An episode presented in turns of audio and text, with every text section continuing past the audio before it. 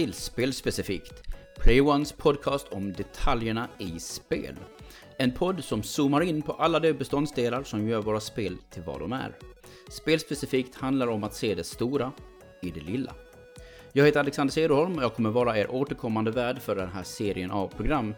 Jag är också chefredaktör för Playone.se jag har under en väldigt lång tid fascinerats av småsaker i spel. I säkert upp till uppemot 15 år, om inte mer, har jag spanat in vissa spel enbart för att de har något intressant koncept eller en spännande spelmekanik. Spel som annars kanske är högst mediokra, kan bära på hemligheter i formen av nytänkande och, vis och visa sig vara långt, långt före sin tid faktiskt. Men spelspecifikt handlar inte strikt om specifika spel, utan vi kommer att tala om en rad olika spelmekaniker, system, koncept, speldesigner och mycket, mycket mer. Tanken är att spelspecifikt ska vara runt en timme och lättsmält, även om ämnet kan vara lite svårtuggat ibland. Men det är såklart alltid just ämnet som avgör hur lång konversationen blir. Jag är i vanlig ordning inte ensam, utan jag har med mig en gäst även idag. Det vore jäkligt tråkigt annars. Ehm, Lite narcissistiskt rent av. Och den här veckan har jag med mig Kristoffer Schenström, som de flesta av er säkert kanske är bekanta med vid hans egen podcast Finally Game Music. Men Kristoffer är även bland annat spelutvecklare, primärt bandesigner om jag förstått det rätt Kristoffer? Det stämmer, mm. framförallt. Välkommen till programmet, välkommen till Spelspecifikt. Tack så jättemycket. Det är faktiskt riktigt kul att få vara med och speciellt om det här ämnet som vi har idag. Mm, det, ja, jag är pepp. Jag är pepp, pepp. Men Kristoffer, vem är du? Om du får, om du får beskriva dig själv, vem är du? Vem är jag? jag? Jag är framförallt en spelentusiast som, som många andra tänkas som Vad kan lyssna på här. Är. Exakt.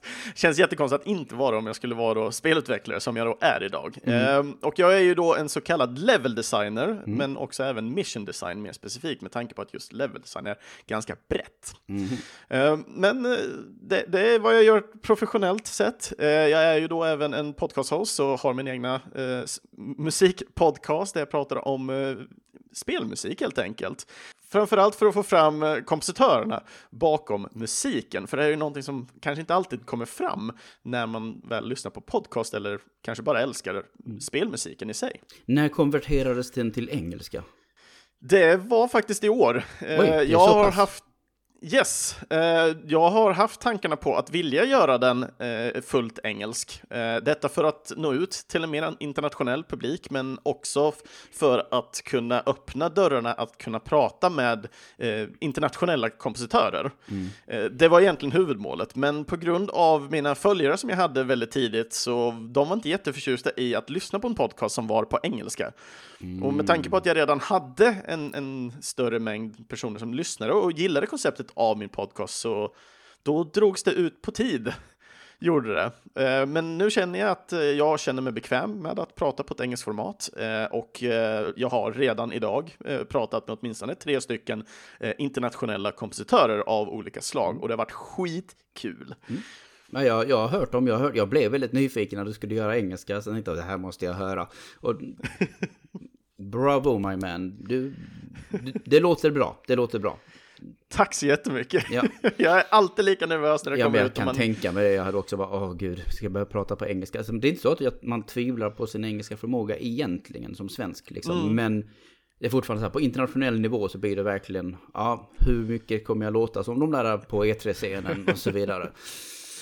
Nej men exakt, och sen framförallt ha den här osäkerheten för när det väl kommer till spel och det, med tanke på att vi inte i Sverige pratar vi inte så ofta på engelska med våra vänner, vilket gör att när det kommer till facktermer av olika slag mm. så mhm. kan det ibland vara svårt att förklara saker. Mm. Till exempel för mig som ska prata om väldigt starka facktermer när det kommer till musik, till exempel precaution var ett ord som jag nästan Perkussion. aldrig har använt. Okej. Okay. Det är faktiskt nästan exakt samma ord faktiskt. Ja, men det konverterar ju till svenska så är det ju precaution, ja, ja. men det är ju ofta slagverk man hänvisar ja, till. såklart. Och det var ju någonting som bara mindblown för mig nästan. ja, ja, nej precis. Men sen, och du sa precis innan vi satte igång inspelningen att ett nytt spel var släppt också. Yes, eh, jag jobbar ju då på den lilla mobila spelstudion. Vi håller på med, med digital underhållning då, då eh, och vi håller på med mobilspel mm. specifikt och eh, håller på att utforska det här med free to play som så många kanske har hört talas om och spelat. Nej, så, ja. Och vi har precis releasat vårt andra spel eh, och det här spelet är ju då gjort av vår sektion nere i Serbien där vi har vår själva dotterbolag eller dotterstudio så Vad att heter säga. studion? Satellit. SoSap AB heter studion. Okay. Mm. Så att eh, vi har gjort vårt andra spel som då heter Legends of Libra vilket är eh, ett riktigt nice spel måste jag säga. Jag har inte gjort jättemycket själv, eh, men det jag kan i alla fall stoltsera med till den här titeln är att jag har eh, varit delaktig i att vara audio director till det här ah. spelet. Och det är mycket på grund av att jag håller på och är dedikerad inom just spelmusik. Mm. Men du, gör du musik? Kan du göra musik? Ja, det var extremt länge sedan. Mm. Min, min musikkarriär är typ Dance EJ back in the days. och det är så kul när jag pratar med kompositörer och folk brukar intressera så fråga mig så här, men har du gjort något själv? Bara, ja, jag spelar gitarr i lågstadiet och sen mm. är det Dance EJ som har varit den. Inte för glömma Jag har försökt på, exakt, ja. eller gurka. Ja. Raspa på. Triangel är klassiskt också. Ja. Nej, eh, min, eh, min musikaliska karriär har tyvärr varit väldigt limiterad. Jag är inte jätteduktig på instrument där, men någonting som jag verkligen gillar är parodier. Och göra texter till instrumental musik är någonting som jag tycker är jättekul, även om jag inte har släppt någonting riktigt live. Det finns en låt där ute som säkert de mest udda personerna kan hitta. Men, okay. men inget sånt i detta spelet, eller? Eh, nej, så inga, inga parodier eller någonting. Tyvärr inte, ah, okay. uh, även om det Nästa skulle faktiskt vara väldigt kul. Nästa gång kanske. Ja. Hur, du, hur, skulle du beskriva, beskriva spelet? Du har inte riktigt sagt ja, vad det är. Ja, vad ska man säga? Alltså smidiga sätt är att det är ett top-down, lite run and gun-eskt spel. Så man har ett top-down-format där man helt enkelt, så länge man står still så skjuter ens karaktär. Eh, och rör du omkring så är det för att undvika då fiendens mm. skott. Så det går likt en klassisk gammal Zelda-stil så går det från rum till rum helt enkelt. Mm. Intressant. Det är lite så här mm. ge och ta-system, det är ganska intressant. Just ja. det här med att man slutar att skjuta automatiskt om man rör sig. Det är Exakt. Sånt, det såna här detaljer jag gillar i spel. Liksom. Det är sånt här jag kan börja prata om. Uh, och det leder Russell in på att vi ska börja prata om ämnet idag. Exakt, och det tycker jag låter ypperligt. Och det här är ett ämne som är ganska nära mitt hjärta faktiskt. Jag har, för jag har belyst det ett flertal gånger genom åren i olika textformer och så här. Men nu ska vi för första gången tillåta mig att, eh, och du får följa med på resan, att djupdyka lite mer och belysa all, alla variationer som finns av de här systemen. För att eh, som sagt, när jag skriver, ja, då måste man välja sina exempel, vad som är lämpligt i artikelform och så vidare. Men nu, nu går vi mm. bara bonkers och så pratar vi om allting. Och veckans ämne är att vi ska tala om unika hälsosystem i spel. Och vad är då ett unikt hälsosystem? Eller snarare, vad är ett normativt hälsosystem? Det mest klassiska är ju att du har en hälso och en hjärtmätare. Beroende på hur mycket skada du tar så krymper innehållet i mätaren och indikerar hur nära döden du är. Och alltså, faktum är att jag älskade sådana här system förr i tiden eftersom de inte riktigt var det normala. För det var nämligen väldigt vanligt att man, och när vi, men nu talar vi om 80-talet såklart, eller tidigt 90-tal, du vet, när man var ung spelare. När jag var en ung spelare. Uh, och det var nämligen väldigt vanligt att man dog efter en träff. Och då var det ju jäkligt tacksamt med en energimätare som tillät fler misstag så att uh, det eventuellt var enklare att ta sig framåt. Men som sagt, tider ändras och ju mer som actionspel i alla kategorier tog form så blev den klassiska hälsomätaren den nya svarta. Då börjar man istället ta notis när spel gör något annorlunda. Den påfyllande mätaren, till exempel i Halo eller något sånt, eller Call of Duty, var ju en intressant variation på till exempel en etablerad standard. Men det har väl också gått full cirkel vid det här laget. Och så är vi tillbaka i mer klassiska system, för folk har saknat hälsopack och så vidare. Och det är det som veckans program ska handla om. Dessa udda hälsosystem som vi stött på genom åren. En liten kärleksförklaring till de där systemen som stack ut lite mer än alla andra. Och jag hoppas du vill följa med mig på den här resan nu, Kristoffer. Absolut, det här kommer bli superintressant för jag själv älskar ju att sitta och diskutera eh, spelmekaniker och, och funktionaliteter framför allt. ja, nu, och nu, du är ju en spelutvecklare, jag är bara en lekman, men jag har ju varit spelare i liksom 30, gud, 30 plus år vid det här laget och spelskribent i 20. Så att det finns väl en viss erfarenhet trots allt. Det tror jag absolut. Men vi börjar med något som vi ansåg ganska vanligt på 80-talet. Men som är lite annorlunda idag. Och det är till exempel en sån enkel sak som Super Mario Brothers till exempel. Mm. Det är ju egentligen inte ett normalt hälsosystem. Inte längre? Inte längre, precis. Det, det var inte... Jo, precis, exakt. Det var väl ganska normalt när det... För Mario har funnits med så länge. Så vi bara känner, det är mm. naturligt, mm. det är normalt. Men det är det inte, för att han är en liten gubbe så blir en stor gubbe så blir en liten gubbe av en svamp. Istället för att ja. han har ett hjärta eller att han har en energimätare. Det var aldrig normalt. Men på den tiden så fanns det ingenting att jämföra med. Och han visade sig att det Exakt. systemet var inte det som blev standard. Men det är bara väldigt vanligt och älskat ändå. Mm. Fördelen med det som kom med Mario, för det första så blev det ju ganska snabbt egentligen någonting som var mainstream för den tiden. Eh, och mm. fördelen med systemet som de valde till Mario är ju framförallt för att det är väldigt tydligt. Visst, sen kanske att en svamp får det att växa kanske inte är det tydligaste, men det är ju twisten av det som ger känslan av det. Men det är klart han äter svampen och blir stor. Han blir ju hög på sätt och vis. Ät din svamp och bli stor och stark. Har, vet jag inte om någons mormor har sagt någonsin, men det är lite så. Uh, nej, men precis. Det är, det är ett visuellt verktyg, liksom, mm. att använda sig av. Uh, istället för att man satte en, jag kan säkert tänka mig att man absolut inte ville sätta en kraftmätare eller en hjärtmätare på skärmen i Super Mario. För mm. att det kanske tog resurser. För att det här var ett ganska komplext sidskrollande spel en gång i tiden. Mm. Och, för du vet ju själv att vissa spel på NES liksom, man kunde inte liksom, vad heter det, oh, är det rätt att säga renderar liksom skärmen på korrekt sätt. Så att ofta så tog man ju mm. bort en tredjedel av skärmen och lät den vara en meny som var statisk. Mm. Det är ju så ett exempel på, oh shit, det finns saker som tar resurser och hur gör vi för att inte ska göra det?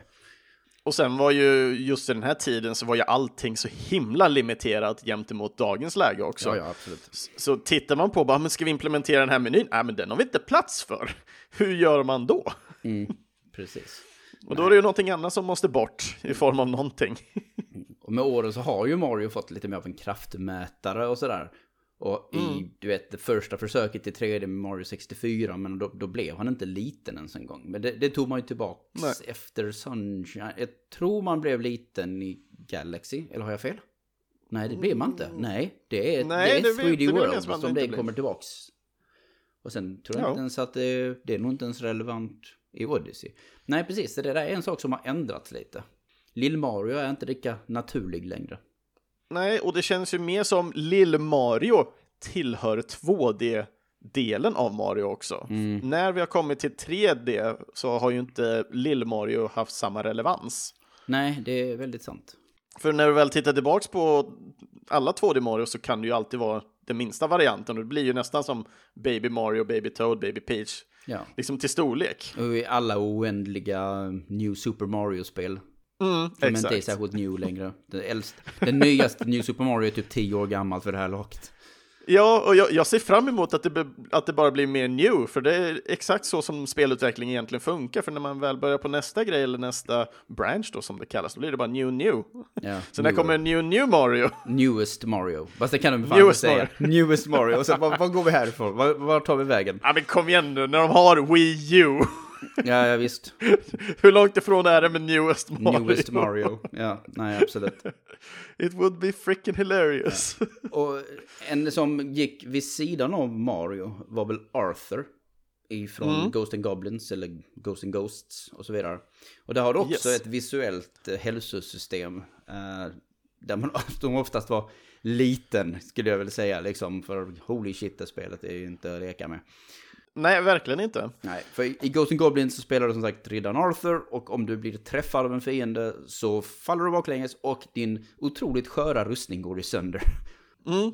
Pengarna tillbaka. Vilket like, är seriously. väldigt komiskt. ja, eller hur? Det är bara så här, hur är det ens möjligt? Det är en glasrustning, helt, helt klart. Det måste det vara.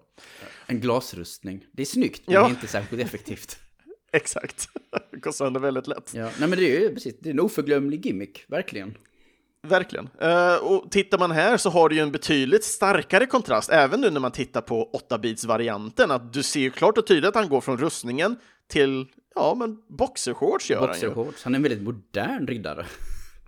Verkligen. Jag, jag, boxershorts är väl ändå relativt nytt påhitt va? Hade det varit, ja, innan, hade det varit riktigt sanningsenligt så hade de väl haft en sån här jättekall, alltså jättepyjamas, eller ja precis, en sån jätte, vad heter det? Jag tänker jättepyjamas med en flapp på häcken eller något. Ja, du tänker på de där klassiker man kan ja, se riktigt. ibland. Men... Han är medeltidsmänniska liksom. Ja, Dark Ages på något sätt. Ja, dessutom är han gullig, för han har en massa jordgubbar på sina shorts också. Ja, sötaste riddaren av dem alla. Sötaste riddaren av dem alla. Jag, jag, saknar honom lite faktiskt. Jag tycker vi behöver ett nytt, nytt Ghost and Goblins faktiskt. Med ett liknande system liksom, men i ja, 2D eller 3D. Jag kan ta vad som helst. Vad, vad heter det där som kom på Playstation? Maximo? Maximo, ja. Mm. Där har du ju två spel. Det är ju en spirituell uppföljare till just Ghost and Goblins. Mm. Så att... Det var något som var extremt charmigt och tv-spel. Mm. Alltså Super Mario var ju definitivt tv-speligt. Men det fanns en viss ja. charm i det här också. Det är väldigt tecknat. Mm. Det är väldigt så här Tom och Jerry sätt att pre presentera skada kan man säga. Ja men faktiskt, du har ju komedin. Ja. ja.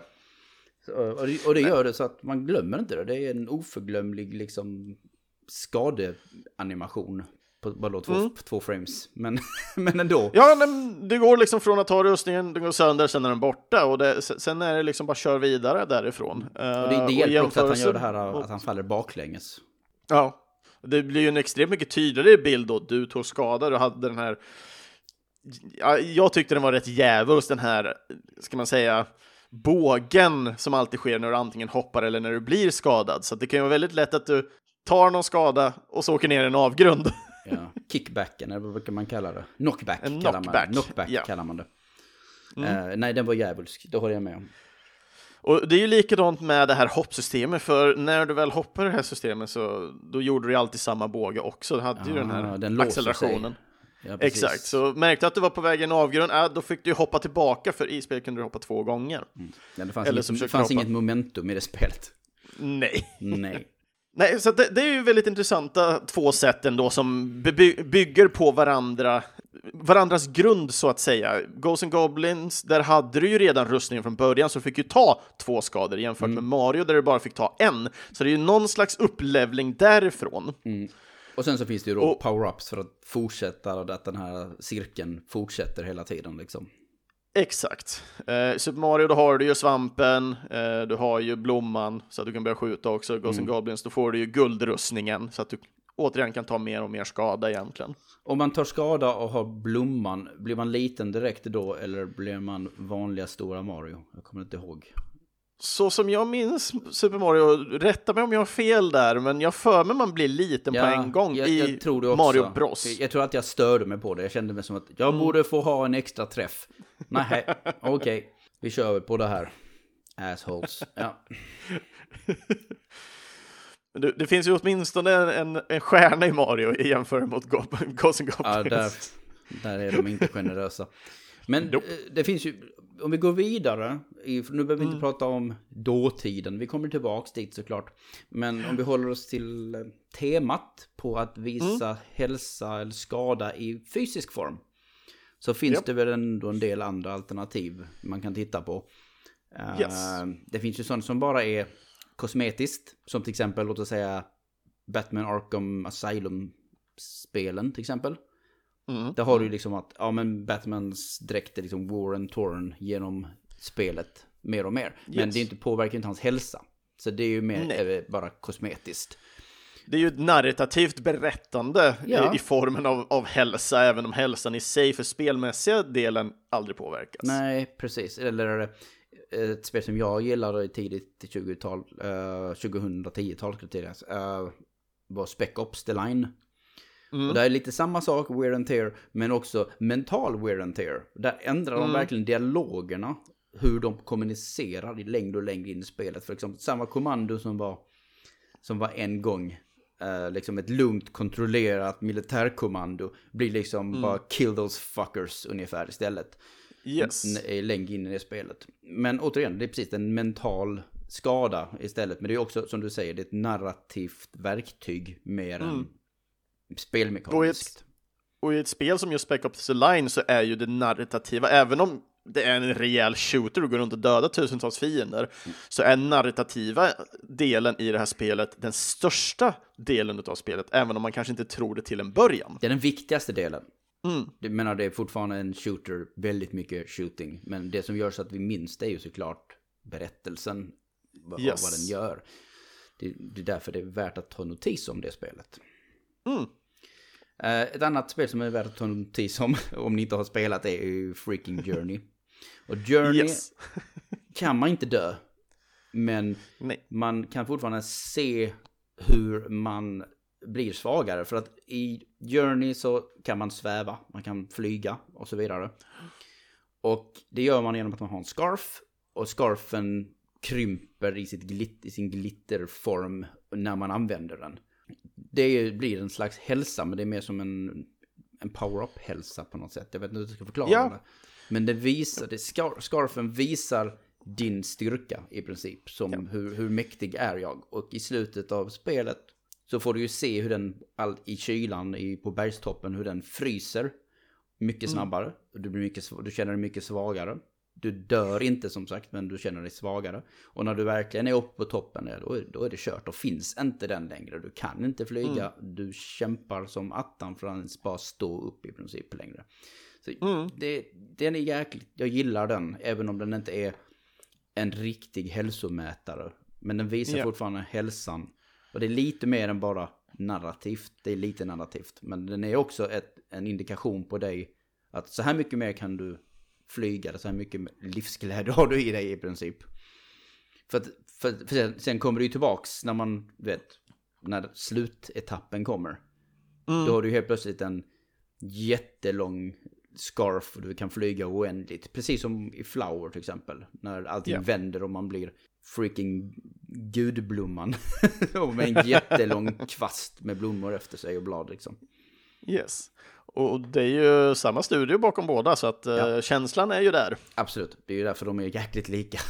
Ja, och just när det kommer till, till Journey, det är ju ett av spelen som, som togs upp som ett referensspel eh, under min utbildning till exempel till att bli mm. level designer. Mm. För mycket av det är ju att Journey är ett typiskt spel där storyn blir vad du gör den till. Det, det finns ju ingen text, ingenting. Du, du, har lite ping som din huvudkaraktär gör och Journey mm. kunde man ju spela i multiplayer, då kunde man gå runt och pinga mot varandra hela tiden mm. som att oh, titta, jag hittar någonting. Mm. Så att det är ju likadant där, du kanske inte riktigt hittar alla scarfbitar, även om vissa måste du ha för att göra. Så att spelet blir mycket av vad du gör det, precis som att även om det kanske inte är hälsa i ren sanningsenligt anda här, så kanske man kan förklara den här uh, scarfen som en slags energimätare. Mm. Det är mer som en mana-mätare. Ja, nej men exakt. Mm. Uh, och för att ta något lite mer uh, ny, nytt spel som är ännu nyare, då har du ju Short Hike. Uh, A Short Hike har du ju där du går runt och samlar uh, fjädrar med mm. din lilla fågel. Och med de här fjädrarna så kan du orka klättra längre och du kan säva med den. Mm, så att det är ju lite samma tänk däremellan mellan Journey och Short Hike på så vis, trots att det är två helt olika spel. Mm. Det är dock lite så lättsammare, så det visar aldrig riktigt hur utsatt man är om man inte har fjädrarna. Mm. Det är bara mer att exakt. jag kan inte riktigt komma lika högt upp som jag vill. Mm. Ja, men exakt. Mm.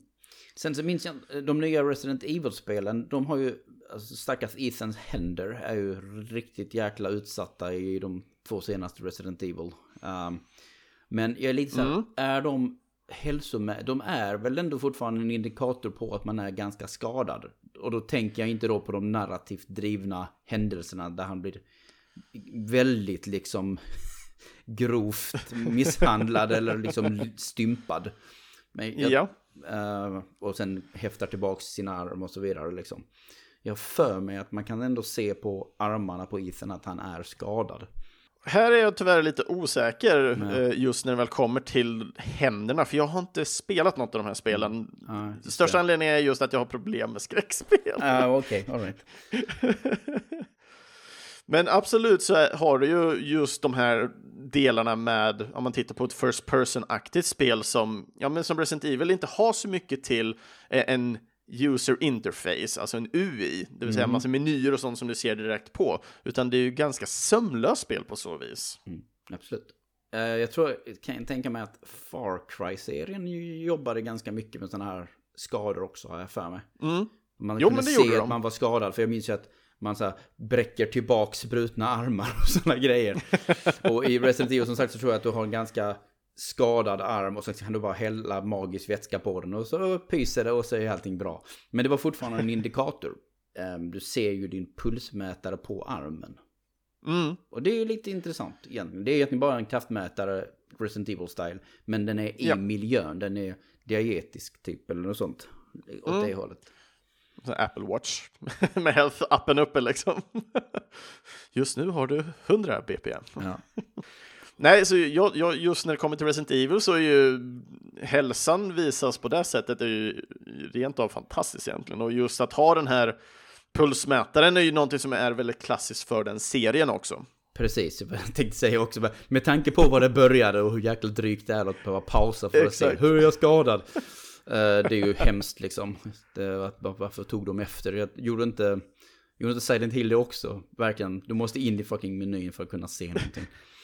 Det bara, Men det är ju också en del av sakerna som gjorde det skrämmande med tanke på i Resident Evil, om jag minns det rätt nu, för jag har ju inte spelat allihopa, men mm. när du gick in i menyn så pausades inte spelet. Jo. De, de... Men det var väl något av dem som inte var så, vill jag minnas. Inte av de äldre, tror jag. Mm. Kanske är de någon nyare i så fall. Vilket gjorde att det skapar ju en viss stress när du väl var inne i menyerna. Så shit, nu måste jag kombinera det här, eller nu måste jag göra mm. ditten, nu måste jag göra datten. Men du måste också ha åtanke att du måste ut så snabbt som möjligt mm. ur menyerna. Det är ju definitivt en sak som i Dark Souls till exempel. Där är det ju mm. så. Där kan du inte bara pausa och hoppas på det. Liksom, nu är jag säker. Nope. Yep. Du ser till att pausa där du är, tror att du är säker. Och sen yeah. så kan du lugna dig. Till exempel vid en Bonfire. ja, det låter säkert nog. Har vi mer exempel? Spel med liknande ja. där är ju System Shock till exempel. Där har du också samma eh, system med, med just, kanske inte just hälsa, men jag tänkte för pausmenyn där och att man aldrig är säker. Jaha, ja, jag är aldrig säker. Yes. Liksom. Men har vi mer exempel på eh, där spel visar fysisk skada? Eller ska vi promenera vidare?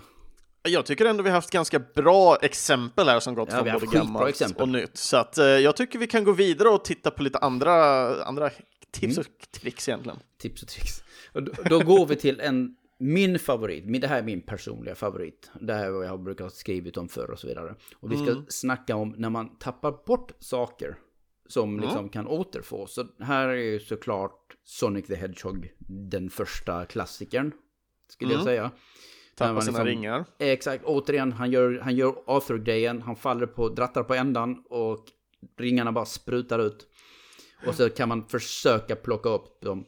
Och jag minns att någonting jag störde mig ofantligt mycket på när jag insåg att det var så spelet gjorde. Det var att mm. jag har hundra ringar. Men det var inte hundra ringar som sprutade ut ur honom. Och varför får jag bara tillbaks 20? Jag tog allt som kom ut ur honom. Ja. Yeah. Ah, I call you out game liksom. Det var väldigt störigt. Men det gjorde fortfarande att så länge du hade en ring så kunde Sonic överleva hela tiden. Mm. Så länge han inte drunknade såklart. Eller föll i ett hål. Exakt. Nej, och just när det kommer till Sonic så det är ju lite annorlunda gentemot Arthur där. Istället för att hoppa åt sidorna och dratta så flyger ju Sonic bara rätt upp samtidigt som han då sitter en stund och så har han ringarna för att plocka. Mm. Och ringarna är ju ännu jäkliga också för de studsar ju runt en så jäkla massa och du har ju just den här paniken och det är det som jag tycker... Det är en ganska imponerande fysik ändå. Absolut. Men jag tycker också det är en stark hållning när vi pratar om just eh, liv och hälsa när man tappar saker. Stressen du har för det första när du har tappat, du har inga ringar kvar, han har tappat mm. alla ringar. Nästa, nästa träff du får, då är, då är det kört. Ja. Och så vill du börja plocka upp alla de här ringarna runt omkring, då ska de studsa runt också så du inte ja. får tag i dem. Och så kan det finnas fiender i området och slutar du liksom att komma ur din du vet, invincibility frame mm. efter att du blir skadad, då är du död. Så det, man, man får omedelbart väldigt mycket stress. Mm. Bara för att jag måste få tag åtminstone på en ring så jag kan leva lite längre till. Please, snälla. Exakt. Och det är så kul när man spelar en bossstrid eller någonting så tar man 300 ja, liksom, skador men fortfarande får du tag i den här ringen hela tiden så är du fine. Jag är okej, okay, jag är okej, okay, jag kan leva. Men det är precis, men har du bara en ring kvar då är det liksom mm. också bara, det här är den enda ringen som kommer att hoppa ut ur mig och om jag inte tar den så är det kört och det är också stressigt som fan. Men jag Exakt. gillar det, jag tycker om systemet för jag gillar ett system som i princip ger dig oändliga möjligheter, oändliga mm. Eh, antal försök, oändliga continuous. Så länge du lyckas. Exakt. Ja, har du något mer att säga om Sonic? Inte just om specifikt Sonic med tanke på att eh, jag vet att det finns så många andra eh, fantastiska exempel här. Ja. Så jag, jag, jag, tycker vi kan gå in på, på nästa exempel egentligen av hur man kan tappa bort saker som egentligen då kan återfås. Och som framförallt skapar panik och stress. Mm -hmm. Och då har vi kungen över alla här och det är Yoshi's Island tycker jag. ja, gud. Jag, jag stör mig inte så mycket på det ljudet. Det är väl bara för att jag älskar det här spelet väldigt mycket. Det är liksom ett av mina mm. absoluta favoritspel genom tiderna. Men uh, visst, absolut. Det är ju en... Det... Och inte nog med att han skriker. Du har ju dessutom nedräkningsklockan som låter. Exakt. Liksom, du har en jäkla och alarm som kör samtidigt. Musiken spelar ju roll också, för den ju närmare du kommer mot nollan där så dun, dun, dun, Ja. Du får ju någon slags Jaws-vibb över det hela med, med allting. Men hotet kommer ovanifrån. I formen av små, vad heter de, pidgeys eller vad fan, sniffits, vad är det för någonting? Det är inte Jag kommer inte ihåg med, men det ser ut som små få, demoniska fåglar i alla de, fall. De, det ser ut som Shy Guys, men i, eh, utan masker. Alltså de ser ut som, ja. de ser ut som Kamex, men i röda Shy Guy-dräkter. Jag höll på att säga att de ser ut som en slags mupp, typ. mupp. Det är ju väldigt... Mupparna liksom. Ja, en sån mupp, ja, okej. Okay. Jag tänkte säga, väldigt fördomsfullt sagt, men när du vände på det, ja visst okej. Okay.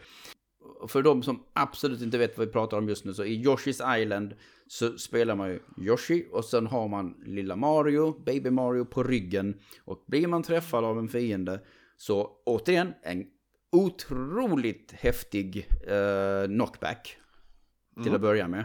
Eller är det det? Jo, det är det. Det är det. Och Yoshi får en smäll och Mario flyger av och av någon märklig anledning så hamnar han, kapslas han in i en bubbla. Mm. Det, det, har ingen riktigt förklarat hur det, varför det händer. Men det händer. Det, det, kanske kan förklaras med att det bara är Marios värld, för det här är ju någonting ja. som vi ser i senare spel sen också. Om små bebisar kastas av och blir osäkra så kapslas de in i bubblor för att bli säkra. Ja precis, du tänker på New Super Mario, eller hur? Exakt. Ja, precis. Mm. Så det gäller inte bara bebisar. Det är efter döden dock. Ja, men du, ja. det är efter döden. Det är efter döden och så kan du komma ut. Mario är tekniskt sett inte född ännu i Yoshi's Island, så han lever i ett evigt stadie av död. Eller pre-död. Så det är kanske därför han hela tiden kapslas in i en bubbla. Jag har aldrig tänkt den tanken någonsin tidigare. Intressant. And that's why we're here folks! Ja, precis. Nej, men ehm. sen har du också i New Super Mario Bros har du ju även att om du spelar multiplayer då kan du ju faktiskt klicka på emergency-knappen för att kapsla in dig själv i en bubbla, men mm. det är likadant där. Plockar ingen ut dig ur den här bubblan, precis som eh, Yoshi behöver plocka bubblan av Mario för att liksom komma vidare. Mm. Eh, då är det liksom game over när sista person trillar ner. Så att du har ju samma typ av mekanik som du redan hade från Yoshi's Island. Återigen, vi ser de här eh, återskapande effekterna av mekaniker och, och eh, funktionaliteter. Mm. Och, och återigen så i Yoshi's Island har du det eviga försöket. Mm. Du kan alltid jaga i kapp. Du har ett, du har tio sekunder. Oftast, mm. så länge du inte blir träffad omedelbart efteråt liksom. Eller, för att om du blir skadad efter att du har tappat Mario så får du ytterligare knockback och roterar mm. på stället och faller ihop. Och det gör ju så att du lätt tappar 3 sekunder på den här 10 sekunders mätaren. Sen kan man ju samla ja. stjärnor på banan som gör så att man kan komma upp till, upp till 30, 30%, 30 sekunder med tid att fånga Mario. Men så vill mm. man ju ha 100% så man är ju jäkligt envis om att inte förlora någonting alls i så fall. Men just det här med att ja. ha 10 sekunder som alltid fylls på upp till 10 sekunder i alla fall. Mm, mm. Men som sagt, ibland räcker det inte. Ibland ska spelet jävlas liksom. Ja. Men det är fortfarande en av mina favoriter liksom, hur det hanterar hälsa. Det är väldigt, det, det är stressigt återigen, men det är underhållande mm. på något vis också. Yes. Eh, och när vi väl har pratat om just Sonic som hade sina ringar som man ändå tappar omkring sig. Vi har Baby Mario, så när Yoshi vill träffas så flyger han iväg lite så kan man försöka jaga ifatt honom. Det finns ju lite annat annorlunda. Mm. Eh, jag själv tänker på Donkey Kong Country där du ja. har två stycken apor. Du har ju Donkey Kong och Diddy Kong eller något av följande spel så har du ju någon av de aporna. Mm. Eh, när du väl förlorar dem så är det ju ingenting du kan hämta på skärmen i Nej. sig. Det är ju inte som att Donkey Kong springer iväg eller trillar på något ställe och det. Så det är ju, där har vi någonting som sticker ut lite i jämförelse gentemot Sonic och Yoshi's Island. I, I grund och botten så är det ju nästan mera, jag skulle säga att det är mera relaterat till det föregående exemplet. Alltså med mm. vis, hälsa i fysisk form. Det är helt Har du två apor så vet du om att du tål två träffar. Du kan alltid mm. hämta mm. en ny apa i en tunna. Till exempel. Mm. Så att egentligen så har jag kategoriserat fel här. Men, yeah. och det är ju tack vare oss att vi sitter och diskuterar detta och skillnaderna. Så att egentligen mm. är det väl mera en fysisk manifestation av liksom hälsa snarare än att man faktiskt tappar bort någonting. För man kan inte rädda dem när de blir skadade. De sticker iväg mm. och, och, så är det med det Men, liksom. Samtidigt också så har vi olika typer av mekanik mellan aporna också. Eh, Diddy Kong hoppar ja, och är lite mer agil så att säga, medan Donkey Kong är en stark utav dem, kan mm. slå upp grejer från marken och dylikt. Så att det finns ändå en, en funktionalitet, det är precis som Mario skulle kunna skiftat egentligen mellan att vara bara stor och ha power-up till exempel. Jo, men precis. Och, så, och sen, du kan ju klara alla banor med bägge aporna. Mm. Det finns inget krav att du måste vara den ena och den andra. Och du har ju den här select-knappen. Så gör så att du kan göra en handklapp, liksom en tag-out i princip. Och så byter du funktionalitet. Mm. Och skadas du så har du inte den funktionalitet, den ena av dem längre. Utan Exakt. Är det så att du gillar att använda den ene mer, då är det alltid den som du utsätter för mer fara. fara. Och det är ju mm. lite risk and reward på det sättet. Som är ganska intressant i sig. Mm. Ja men verkligen. Så att jag, jag gillar ändå de olika faserna som, som omges av den här typen av mekanik när vi pratar om just hälsa. Mm. Så att eh, det är fascinerande tycker jag. Mm. Och sen slutligen finns det ett, ett nytt exempel, men det är det fan inte, för det är nästan, det är nog tio år gammalt på det här uh, och det är alltså att det kom ett spel på Playstation för väldigt många år sedan, uh, som heter The Puppeteer. Och det mm. påminner mig ju ganska jäkla mycket tror jag om Sonic framförallt. För att i Puppeteer så spelar du en liten, liten marionettdocka eller något åt det hållet. Och du byter huvud liksom med olika och får funktionaliteter och så vidare helt enkelt. Mm. Som power-ups, men i form av huvud. Um, och det är inte bisarrt eftersom att du är en liten trädocka. Så det är okej. Okay. Yeah. Men när, fast det här är lite bisarrt. För när du blir skadad så studsar ditt huvud av. Och så har du den här fysiken igen, liksom, precis som med, med Sonic kan man säga. Att den studsar mm. liksom och du måste rusa efter för att få tag på det. Annars så blir du av med det, det här extra hälsan. Och då är det bara den vanliga stadiet du är. Du blir av med din power-up och du blir av med din hälsa. Blir av med ett mm. steg hälsa liksom. Så det är väldigt så här klassiskt. Fast här har du även en power-up du blir av med. För det hade ja, vi inte i de andra faktiskt. Nej, för du, du har någonting kopplat till den. För mm. tittar man även på Sonic så har du ju power-ups. Då förlorar du power-upen men inte mynten i alla lägen. Just det, så kan det också Eller vara. ringarna. Just det. Om yes. du har, men det är ju mer som att, för att det är ju en kraftsköld du har till exempel. Och då är det klart att ja. kraftskölden ger dig en extra smäll helt enkelt. Exakt. Mm. Vad kan vi mer? Ja, vi kan kanske gå lite haywire med alla möjliga typer av energisystem egentligen. Har du någonting du, har du någon liten favorit du vill lyfta fram? Nu är, nu är, nu är golvet öppet. Ja, för när jag väl fick frågan här när jag väl skulle prata om unika hälsosystem, eh, då drevs jag in på faktiskt ett, ett gammalt spel som även vid senare nu tid även har fått en, en liten revamp, reboot så att säga.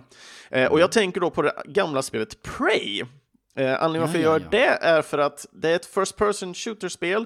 Du har den här klassiska med att du bara har eh, liv och liksom spendera av, precis som ett klassiskt, du har 100 HP. Men det som är så jäkla unikt med det här systemet är just vad som händer när du dör.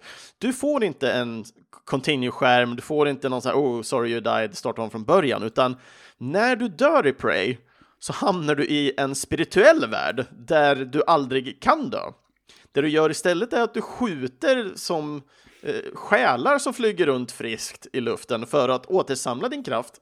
Och när du har fyllt den till 100% då flyger du tillbaka till vanliga livet igen och på så sätt egentligen återuppstår. Mm, den här lite culturally inappropriate eh, saken. För att hjälten är typ, har indian... Heritage. Heritage, ja men vad heter det? Arv, liksom. Ja. Och där, åter det här med om man pratar om engelska och svenska hela tiden. Det är så, oh, vissa saker använder vi typ hela tiden, vissa ord. Uh, och jag gillar att hålla saker svenskt i den här podden, men ibland går det inte. Mm. Precis, och jag har spelat det här spelet. Mm. Man tänker bara wow, jag har eviga försök. Men det är lite drygt. För fan om jag inte tycker att spelet straffar ändå ganska mycket när du dör. för att du ska behöva gå igenom den här processen varje gång. Mm. Det är lite som när man så spelar och To Human eller någonting. Om man skulle se på Valkyrian som kommer och hämtar dig i 30 jävla sekunder. innan hon lyfter dig och sen är du tillbaka igen. Men du måste se mm. på den här jäkla sekvensen. Det är ditt straff. Ja, det blir ju repetitiviteten som är rätt jobbig och är man inte en bra spelare så kommer du se den här saken väldigt många gånger. Ja, väldigt. väldigt och det är aldrig kul att se någonting så många gånger. Då, då som spelutvecklare borde man tänka efter där att bara hur kul är det här egentligen att sitta och titta på? Det är intressant, men det är inte så jättekul. Mm. Det var ju det var helt klart, det var ju någonting som lockade mig till spelet också. Liksom, åh, det här var mm. intressant. Och sen bara, hmm, I don't know. Lite osäker. Det var coolt att se uh, Summons första gången i Final Fantasy, men jag vet inte mm. om jag vill titta på 30 sekunder summonings i Final Fantasy 8. Tack. Och så fixar de det i nian, tack och lov. Ja, ja, sjuan, sitta och titta. Man tyckte det var ascoolt när man var liten. Mm. Men sen efter att ha tittat på den 20-30 gånger, man bara... Det var ännu värre i åttan, för då skulle du hamra knappen dessutom för bästa resultat. Oh, jag har glömt mm. bort det där helt och ändå åttan var min favorit. Men vissa saker försvinner väl, PTSD av något slag. ja, så är det. Mm. Vissa saker ska bara, är bara bra för att de glöms bort helt enkelt. verkligen, verkligen. Mm. Och vi, vi, eh, vi pratade ju typ om knockback, har vi pratat om en hel del fram och tillbaka. Mm. Och det finns ju ingen mer intressant och kanske unik kraftform skulle jag säga än knockbacken i Super Smash Brothers. Mm, show den! För det är, det är ju verkligen du har ingen hälsomätare i det spelet. Alla andra så vet det här Playstation All-Stars och sådana här grejer. Liksom. Alla de bara, ja men vi tillämpar en typ av klassisk energimätare eller någonting liknande mm. och så slås man ut. Men Smash, och det gör de för Smash började ju väldigt tidigt, för 20 år sedan liksom, med den här yeah. idén. Och de vill inte, vi vill inte ha exakt som Smash. Men sorry guys, men Smash hade en jävligt bra idé. Och det är mm. att du i princip fyller dina, fyller dina motståndare med helium för varje gång de blir knockade. Liksom. För varje gång de blir träffade så fylls din procentmätare med hur mycket helium du har i kroppen. Och det gör så att det blir lättare att knocka ut någon från banan för att de flyger mm. längre och längre beroende på om de blir slagna överhuvudtaget eller hur hårt de blir slagna. Och det är en yes. sjukt smart idé. Och ska man gå verkligen på så här, vad handlar den här mekaniken om? Då handlar det egentligen om när någon blir träffad, vilken multiplicering av knockback får de? Ja, precis. Det finns men jag mer... älskar din heliumförklaring för den är Ja, men det är ju i princip det liksom. uh, och sen finns det ju en, en, alltså kommer över 200 procent, alltså då är det inte mycket som behövs för att du ska det... flyga och skjuta Haiti. Nå, och någon, någon, som... råkar nysa på dig. Ja, men precis. Eller om någon, liksom, min favorit, typ så här Link bara Ford A liksom ja, hej då, du är väck liksom. Du klarar inte det om du har 200 i, i procent liksom. Men det, vi återkommer faktiskt även till det här med eviga försök. Det är inte eviga försök, det har jag precis sagt. Mm. Har du för mycket, väldigt många försök. Och det är det som gör det kul också, att du kan alltid flaxa in på banan igen eller vad du nu har för mm. en karaktär. Vissa har det lite lättare än andra. Men det är också en, återigen, det var de här systemen som på något vis ger det lite mer, mer chans, eller illusionen av mer chans. Mm. De är oftast väldigt underhållande. Faktiskt, för då, då har man någon slags nästan catch-up-mekanik, eller man får den här sista chansen-känslan att mm. jag kan återhämta mig. Mm. Och det är ju den känslan som oftast driver oss som spelare framåt på ett mycket bättre sätt än att man bara ja, men slängs ut, bättre lycka nästa gång grabben. Ja, men precis. Eller om du bara, din hälsa är slut, bye bye. Liksom, that's it. Exakt. Och det, det är därför liksom Smash sticker ut jättemycket. Det, det, det mm. känns mm. genuint annorlunda jämfört med många andra. Alltså det känns ju genuint annorlunda jämfört med andra fightingspel. Men mm. även de, de som imiterar dem imiterar inte oftast den här mekaniken för att den är så synonym. Och de hade mm. förmodligen blivit liksom, det är ju konstigt egentligen för att spelutveckling handlar om att iterera på existerande idéer och kanske ge en ja. liten version av, en ny version av en existerande idé. Det finns mm. inga patent på spelmekaniker eller system generellt. Jag tittar Nej. på Air Warner Brothers till exempel. Med Mordor och så vidare. Så det vore ju liksom intressant att kanske se vad gör någon som vågar göra ett mera Smash-aktigt spel kanske. Med knockbacken. Mm. Och sen utveckla på det. Jag vet inte hur det här Ubisoft, vad heter det? Brawlhalla till exempel. Jag vet inte vad det är. Ja. Det, kör du också hälsa? Jag är inte riktigt säker. Brawlhalla vill jag minnas har hälsan också. Nu var det länge sedan jag lirade det. var det svenskaste jag hör, hört någon uttala det spelet. Brawlhalla. Ja, nu kan vi prata om Brawlhalla här. Ja.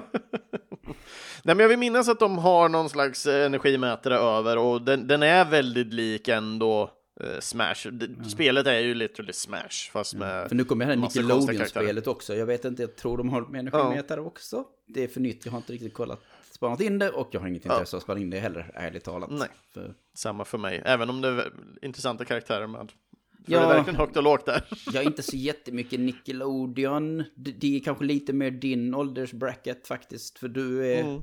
Vilket år är du född? 88 är jag född, ja, men jag, jag absolut Nickelodeon var, men eh, mm. för mig var det så här, jag var inte jättemycket, Cartoon Network var väl mer, men jag hade aldrig kanalen. ja, jag förstår.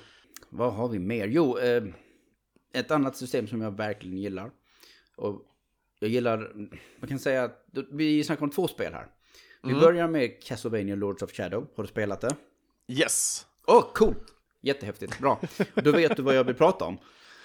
Uh, ja. Nämligen att det växlar, du kunde växla emellan om du ville ha, när du dödar någonting, när du slåss mot mm. någonting, att du kan växla mellan om vill jag ha hälsa eller vill jag ha mana.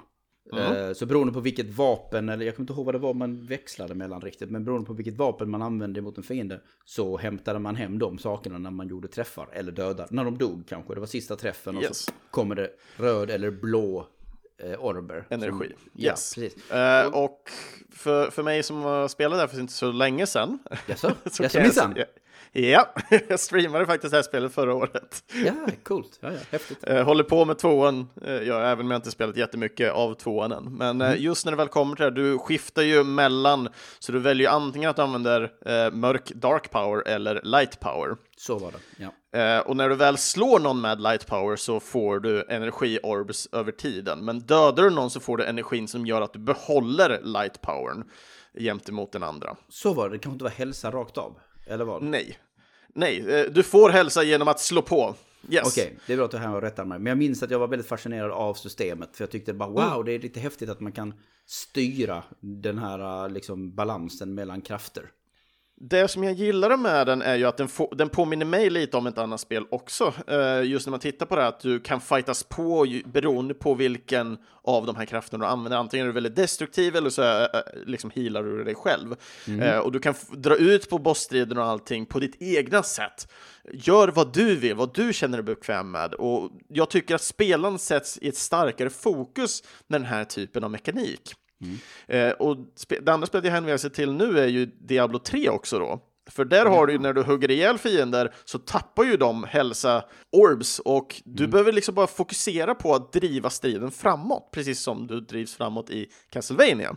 Mm. Och det är någonting som jag tycker är så fascinerande istället för att man har en knapp för att ta sin Itus Flask eller klicka för att hila sig med en healing potion och så dylikt. Ja, men inte det är väldigt klassiskt ändå? Alltså det du säger är väl att du bara dödar en fiende och så får du hälsa ifrån dem? Och så fylls ja. du på automatiskt? Men det är ju också, det är ju någonting som har kommit senare med tiden, i alla fall om man ska titta på ett mainstream-aktigt håll. Mm. Innan var det att du oftast plockar upp antingen en health... Ja, inom den genren skulle jag säga i så fall. Mm. På, på det viset, för det finns ju jättemycket spel bak i tiden, liksom där det bara, ja men Megaman, liksom du har skjutit en fiende, här är en health pack, eller ja. en sån energipilla och så får du en hälsa automatiskt. Mm. Men om vi tittar på First Person Shooters till exempel så har vi inte samma. Då är det oftast att du hittar en health pack någonstans till exempel. Men ja, ja, precis. Det finns det absolut finns de som sticker ut. menar du? Nej, exakt. Nej, men okej, okay, men det absolut. Så det, såklart har vi ju sett det, precis som du säger med Mega Man, så det, man har ju sett det sporadiskt hela man, tiden. Man ser det i vissa men, genrer i så fall, helt enkelt. Exakt. Men också no det har aldrig känts väldigt mainstream på samma sätt, för mm. du har ju inte haft den delen i tidigare Diablo-spel till exempel, utan det är någonting som de satsade Nej, för på då hade du då var det alltid att hamra på knappen liksom på tangentbordet ja. för att få tillbaka hälsan. Uh, och jag kan tänka mig att precis mycket rollspel handlar ju om att ta fram din hälsogrej och hela ja, dig. Dricka sina potions och ta ja. sina hälsomagier. Ja, men då har de ju gjort det för att de ville tajta till den gameplay-loopen helt mm. enkelt. För att det Exakt. skulle vara snabbare, ja, åter, komma in i fighten snabbare igen till exempel. Man ba, yeah. Varför ska folk behöva hamra på en knapp när de egentligen bara kan ta in hälsa istället? Exakt. Bara köra på, bara mata det här tåget med kol liksom hela tiden. som mördar. Ja. Och annan mekanik som, som jag tycker är intressant, som, som också känns som det sticker ut, men det är ju likadant där, det är någon slags energimätare också, men med tanke på det här med att hamra in saker, så Guitar Hero har ju verkligen det här hamrandet, literally. Jo, jo, hammer-ons, hammer-ons, yes. För där har du ju verkligen att börjar du missa eller gör fel, då, då försvinner ju din energi, din, din, din pepp på publiken och din musik. Ja, precis. Absolut. Och lyckas du fånga upp den här igen, ja men då återhämtar du allting igen. Du återhämtar energin, du återhämtar peppen från publiken och framförallt musiken. Mm. Uh, och det är ju någonting som vi vanligtvis kanske ser ändå i just musikbaserade spel. Uh, jag tänker framförallt på Harmonix många titlar mm. uh, där man styr och ställer inom musik. Men där är i grund och botten även en, alltså du har ju den här visuella eller audioella liksom representationen mm. som du säger, vi tappar ljud, vi hör att saker inte går som det ska. Mm. Men samtidigt är det ju faktiskt en kraftmätare också. Exakt. Det, det går från grönt till rött och så... Liksom det finns mm. ett verkligen tvärt stopp också. Ja. Eller så har du liksom systemet att det här är inte... Det är inte döden, för du har ställt in det på det viset att du dör mm. inte. Du kan fortsätta, men du ser ju fortfarande att du är i botten liksom. Och du tjänar ingen multiplier eller någonting längre. Mm.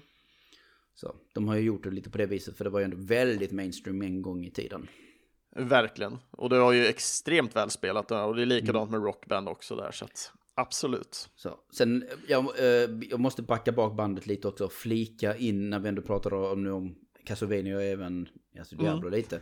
Jag måste nämna Doom. Nya moderna mm. Doom. Uh, för det har ett liknande. För jag, när jag såg Doom. saker. Precis, när jag såg Doom för 2016 så kunde jag inte låta bli att tänka på Castlevania Lords of Shadow. Mm. Just för att det har det här med att du, beroende på hur du dödar, så får du olika saker. Du får, det här, här har du verkligen hälsa, eller typ armor och... Ammunition har du också. Ja, precis. Det, det, och sen utvecklar de på det i Eternal. Nästkommande spel. Precis, yes. dessutom. För då hade du liksom eldkast. Ja, det, det blev kanske lite för mycket. Ja, för mycket av det goa. Det, jag tyckte de förlorade fokuset för vad Coren of Doom är. Doom 2006, fantastiskt. Mm. Eller 2016 förresten, sorry. Ja, 2006. Uh, ja, då, det, det, det är Prey. Nej, så det, det, var ett helt fantastiskt spel. Jag älskade designen och allting på det. Och just håller, precis som du sa det här med att man bara håller igång. Det gjorde så jäkla mycket. Mm. Nej men precis, det var ett högt tempo, du behövde bara tänka på de här två sakerna. Att om du gör en finisher så fick du armor, eh, var det health? Jag minns inte exakt vad du fick för någonting där. Och om du dödade dem på ett annat sätt så blev det liksom, så fick du en annan typ av någonting du behövde. Mm. Och precis som du säger sen med tvåan så började det bollas lite mycket. Du kunde använda eldkastaren ja. och då fick du en annan sak och allt, allt det här. För eldkastaren då fick du armor. Okay, eh, när, du när, du, när du drog sönder någon och slaktade dem, då fick du ammunition. Just ammo också, just det. När du använde din uh, super punch så fick du HP. Ja. så att all, allting gick hade, ju runt hela tiden. Ettan hade HP och ammo. Exakt. Det var så de låg till, just det. Yes. Och sen innan vi lämnar dagens ämne helt och hållet, bara lite snabbt, för jag tycker det är jäkligt intressant. Spel där liksom miljön är din hälsa. Där finns mm. det ett jäkligt unikt exempel. Ifrån, nu tror jag vi är inne på 2006 faktiskt, eller någonting sånt. Superman Returns. Har du någonsin ja. spelat det? Nej, men det är väl här spelet som har väldigt mycket cred till sig för att inte vara ett så bra spel. Nej, det är ju det. Men det hade en intressant idé. Och mm. det var liksom att hur gör vi, återigen, den eviga paradoxen här med hur gör man ett Superman-spel där du kan förlora? För Exakt. att du blir Superman. Så annars måste du bara slänga en massa sjukt starka varelser på det hela tiden. Och det, det blir liksom, du vet, det är liksom Dragon Ball problem, problem, problematik yeah. hela vägen liksom. Superman, då får han väl möta Lex Luthor och alla mm. har den här raritetmaterialet som heter... ja, precis. Alla, precis. Väldigt, alla. väldigt rare. Eller hur? Ja, väldigt rare när alla har den. ja, yep. Alla bara kommer med liksom kryptonitdolkar hela tiden.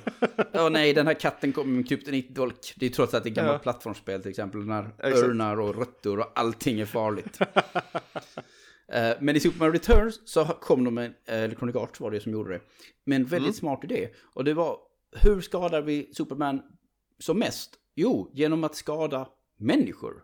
Eller en stad. Så i, den, i det spelet så var det liksom att staden, alltså Metropolis, hade en hälsa.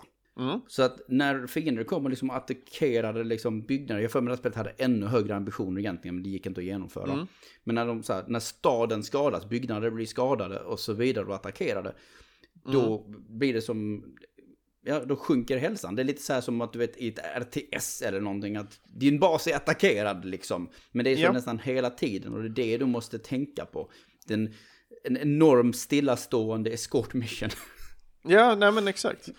Och det här är ju någonting som man har sett komma senare också. Det är säkert något exempel tidigare eh, också, men jag tänker mig ja, typ eh, Star Wars har ju haft den här mekaniken när du är ute och flyger med dina farkoster. Så bara, mm. åh, men du måste skydda det här eskortskeppet så kommer det 30 000 fiender. Man bara, yeah right.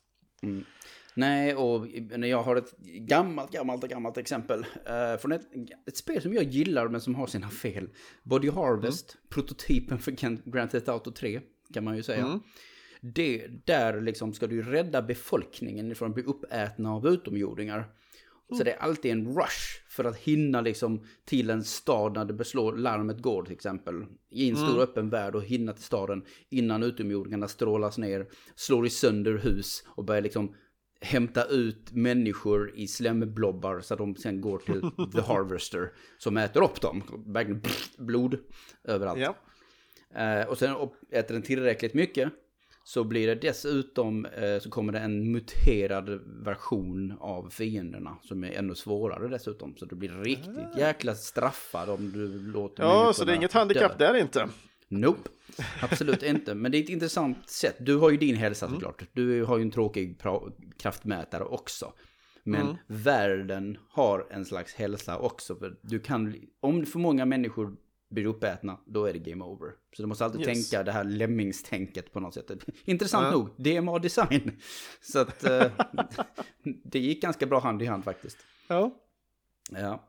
Nej, det var väl, det var väl en rad massa exempel. Det var en hel del rad exempel. Nej, jag, jag gillar ändå att vi har lyckats ändå ta de, de största, i alla fall när man tittar på mainstream i alla fall, av olika tendenser och sånt ja. som har utvecklats ifrån vad vi började med Mario. Det, det finns säkerligen mycket i mainstream, men det finns säkert väldigt, väldigt mycket i indie, på mm. indiesidan också. Uh, med tanke på att indiespel för, framförallt är väldigt experimentella av sin natur. Yes. Så det är ju bara hålla ögonen öppna liksom. Mm. Men vissa saker fastnar och vissa fastnar inte. Och nu har vi pratat om det som vi, top of our heads kind of, liksom kom på. Eh, och ja. vi välkomnar ju såklart er som lyssnar att ni deltar i diskussionen. Så att liksom prata med oss på eh, Facebook och Twitter och varför inte vår Discord här på Player One till exempel. Eh, så vi kan diskutera det här ämnet med er när vi nu har, när jag och Kristoffer har pratat. Yes. Yes, så vi lämnar hälsa, eller unika hälsosystem i spel och så, så lyssnar vi på, på lyssnarna helt enkelt. och, och ser vad de har för förslag och coola exempel. Mm, det kommer vara jättekul att se vad de har för exempel och framförallt on top of their heads. Uh, för som ja. sagt, det finns så himla mycket spel där ute och så många som har säkert jätteintressanta system. All, alla har olika referenspunkter också. Liksom. Jag Exakt. är en gamling från tidigt 80-tal, du är så här i slutet av 80-talet. Så finns det de som vet, började spela på 90-talet eller någonting, eller till och med 2000-talet. Och de har alla olika referenspunkter och älskar olika mm. saker. Legospelen kommer jag att tänka på till ja. exempel också du kan inte dö, men du blir av med bricks och sådana här grejer. Det var också ganska intressant i Odyssey. Mynten blev din hälsa på något sätt. Mm. Du blev straffad genom att bli av med mynt hela tiden. Det var Back en intressant Sonic. modifikation. Vi kan aldrig ta slut, vi måste sluta prata. All right. Men vi avslutar veckans program med det nya inslaget som jag glömde i det förra programmet. Förlåt Fredrik. Eh, och det heter Två detaljer. Och det är helt enkelt att jag och Kristoffer ska bara lyfta en snabb detalj i spel som vi tycker om. Det kan vara vad som helst. Och Kristoffer, vill, vill du börja? Absolut. Och eh, när det väl kommer till mig och det som jag känner har stuckit ut för min del. Eh, jag älskar ju det här med att kunna customisa grejer. Och nu pratar jag inte om specifikt att man ska att karaktär. saker heter det på svenska. Att skräddarsy, tack så jättemycket. jag är så van vid att bara säga customize hela tiden. Ja, men, men, att skräddarsy saker. Och eh, någonting som jag verkligen älskar och någonting som jag känner jag hade velat gärna få tillbaka på något sätt. Det är runsystemet som de har i Diablo 2. Uh, och nu när man får se Diablo 2 Resurrected så är det ju, tycker jag liksom det känns bara som, som bäst. Alla pratar om runewords igen och jag blir så lycklig. Och vad är runsystemet för en som inte har spelat så mycket Diablo? Yes, runsystemet är egentligen att du plockar på dig olika typer av eh, föremål, eh, i detta formen av runor då. Mm. Och de här runorna har sin egna förmåga, men om du placerar dem i vapen eller i rustning så kan du skapa ord utav de här runorna. Och på så sätt då göra ett väldigt unikt föremål, så att du kan få ett runwords-svärd Okay. Uh, eh. Och de här får då väldigt unika, kraftfulla uh, egenskaper och det är just de här att du får jaga... pluspoäng att du inte så properties där. Bra. Exakt. yes! Mm. Nej, och jag gillar verkligen just den här principen att det här skapade en annan del av communityt och det är någonting som jag drivs väldigt mycket av, att ha den här sociala biten i spel. För när det väl kommer till digital verksamhet eh, idag så känns det som att vi har förlorat lite eh, ska man säga, det sociala. Vi kanske, vi kanske är sociala när vi ska gå ut på en raid eller någonting, men sitter man hemma och bara spelar single player-spel eller spelar bara Diablo för sig själv till exempel, då finns det fortfarande att jag, ja, men jag kan gå och prata med dig och så bara, men om du har de här två runorna, vad, vad kan du skapa med dem? Mm någonting inom dig skapar ett intresse för att utforska, för att sen vara social och diskutera med folk och det i slutetappen skapar ett resultat. Mm. Men det är, det, det, det, ja, absolut. Det, det blir ju kreativt också, även om det finns mm. regler antagligen etablerade. Men det finns väldigt många sätt man kan mixa det här antar jag. Yes. Mm. Och det finns ju hundratals olika run, runord som man kan då sätta ihop helt enkelt. Och ja, det finns ju hemsidor som bara täcker allihopa, men jag tyckte det var kul att bara sitta och experimentera, även om det kan bli kostsamt i slutändan. Jag, jag tror därför har adderats till ett uh, framtida program som jag har planerat om mm. uh, okänd, alltså språk som man inte kan tolka och sådana här grejer. Vi får se. Mm. Du inspirerade mig precis. Och jag, jag, jag håller mig nästan lite halvt till dagens ämne faktiskt. Men jag har väl pratat om det här rätt länge, men mm. det går snabbt. Jag vill ge en stor eloge till Celeste för hennes hår. För mm. hur håret visar en liksom, powernivå i, uh, i det spelet. Du vet liksom alltid genom färg att hur många greppningar har jag kvar i innan liksom det tar slut. Hur många swish och swoosh kan jag göra och så vidare innan jag inte kan göra mera. Mm. Det är liksom en, en stamina-mätare som är helt färgkodat visuell liksom. Mm. Och jag, jag, tycker den är sjukt nice och det bidrar sen dessutom väldigt journey-like till en extremt stark power trip mot slutet av spelet när man får väldigt mycket kraft och, och så vidare liksom. Mm. Så jag bara, en liten shout-out till håret och färgkodningen och vad det innebär och hur sjukt effektivt det förmedlar allt ifrån funktionalitet till känsla mm. till Celeste. Det var min detalj. Jag kan inget annat än att hålla med på den. mm. Nej. Sjukt, bra, sjukt bra spel, sjukt svårt spel, men... Eh, Hjärtar så bra det Ta en titt. Yes. Okej, okay, då är det dags att plugga sajten lite. Den här podden tillhör playerone.se. Vi heter playerone-se på Twitter och vi heter playerone.se på Facebook. Och playerone-se på Instagram också. Vi finns nu även då på Discord, där vi snackar spel och allmänt nördiga ting. Och på PlayerOne, ja där heter vi playerone.se. Men det finns länkar till allting på vår hemsida. Så att eh, om du inte orkar då på blanda ihop massa saker så bara gå till hemsidan så finns det en länk till precis alla sociala medier där vi finns. Och skulle det vara så att man tycker att shit, Alex, han är en ganska intressant och tänkvärd person. Han vill ju läsa mer ifrån. Då, då följer man mig på Twitter på dogma understreck. Menar, Kristoffer följer ju mig. Så mm. du vill inte vara sämre än Kristoffer, eller hur? Nej, just det. Musiken till programmet är gjort av den extremt talangfulla Dominic Ninmark. Eh, Dominic har gjort musik till spel som Striker Sisters, Rival Megagun, sjukt bra smupp. Eh, Gravity Circuit, Mighty Goose som finns nu på, eh, på Game Pass, om jag inte minns fel. Och Blazing Chrome. Den som har ett sug efter lite Eurobeat-remixer och sådär har också rätt mycket att hämta på Dominics kanal. Ni hittar honom på att Dominic-Ninmark och som Dominic Ninmark på YouTube. Är du bekant med Dominic, Chris? Absolut, jag älskar hans musik. ja men det är sjukt bra, liksom 16-beats influerad musik överlag liksom. Ja, det är lite kul att jag fick tag i en från första början också, för mm, mm. han har även gjort musiken till Mega Man X Corruption, eller Corrupted, mm. som är ett litet fanbaserat det, projekt det, för Mega Man X. Fantastiskt. han älskar ju sin Mega Man X-musik Verkligen. liksom. Ja, ja, det var där genom jag lärde känna honom och sen eh, mm. träffade jag honom live nere på Retrospelsmässan. Mm. Och han har ju varit en del av uh, föreningen Mega här nere i Malmö hur länge som helst också. Ser fram emot att se honom också igen när den här pandemin lägger sig. Mm. Och vi kan öppna föreningsverksamhet igen. Alright, så tack så mycket Kristoffer för att du ville vara med i programmet. Det här var, jag, jag älskat att ha dig faktiskt i det här programmet. Jättemycket energi, mycket skratt. Ja, super, det behövs när man ändå lite, du vet, ämnet är lite, lite så här uh, träigt kan man väl säga. Vi ska prata ja. om seriösa saker nu. Men man kan göra det kul också, eller hur? Mm, ja men absolut, och så bringa lite glädje till ett ämne om, ja men teoretiskt sett har vi pratat om döden. ja, precis. uh, ja, jag tror det blir ju nog titeln på det här programmet på något sätt.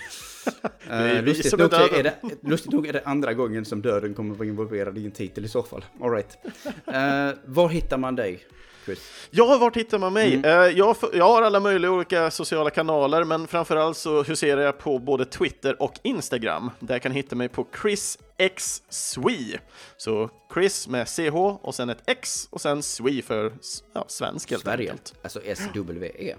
Yes, jag har även min podcast, den huserar borta på videospelsklubben.se, eh, heter Finally Game Music. Det finns för er som kan svenska och lyssnar på svenska, eftersom ni lyssnar på den här podden, så finns det betydligt mycket fler avsnitt för er att lyssna på, men det finns även på Spotify, så det är bara att söka där Finally Game Music också.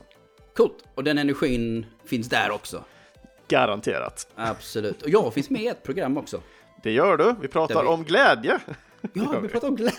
Vad passande. Du och jag liksom, glädjespridare. Mm minst sagt.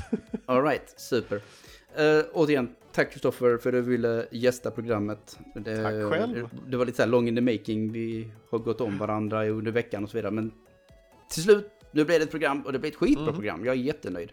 Så tack till alla som har lyssnat på denna omstart eller så här reboot av spelspecifikt. Vi är väl tre program in nu i alla fall. Men Play One presenterar feeden hittar ni idag på Stitcher, Apple Podcast, Google Podcast, Breaker, Overcast, Pocketcast och Radio Public. Jag tror vi försöker komma in på Spotify också, men de är lite stökiga. Men vi säger till så fort det finns där.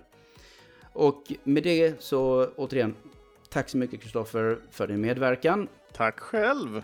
Det har varit en ära. Ja, en ära till och med. Nice.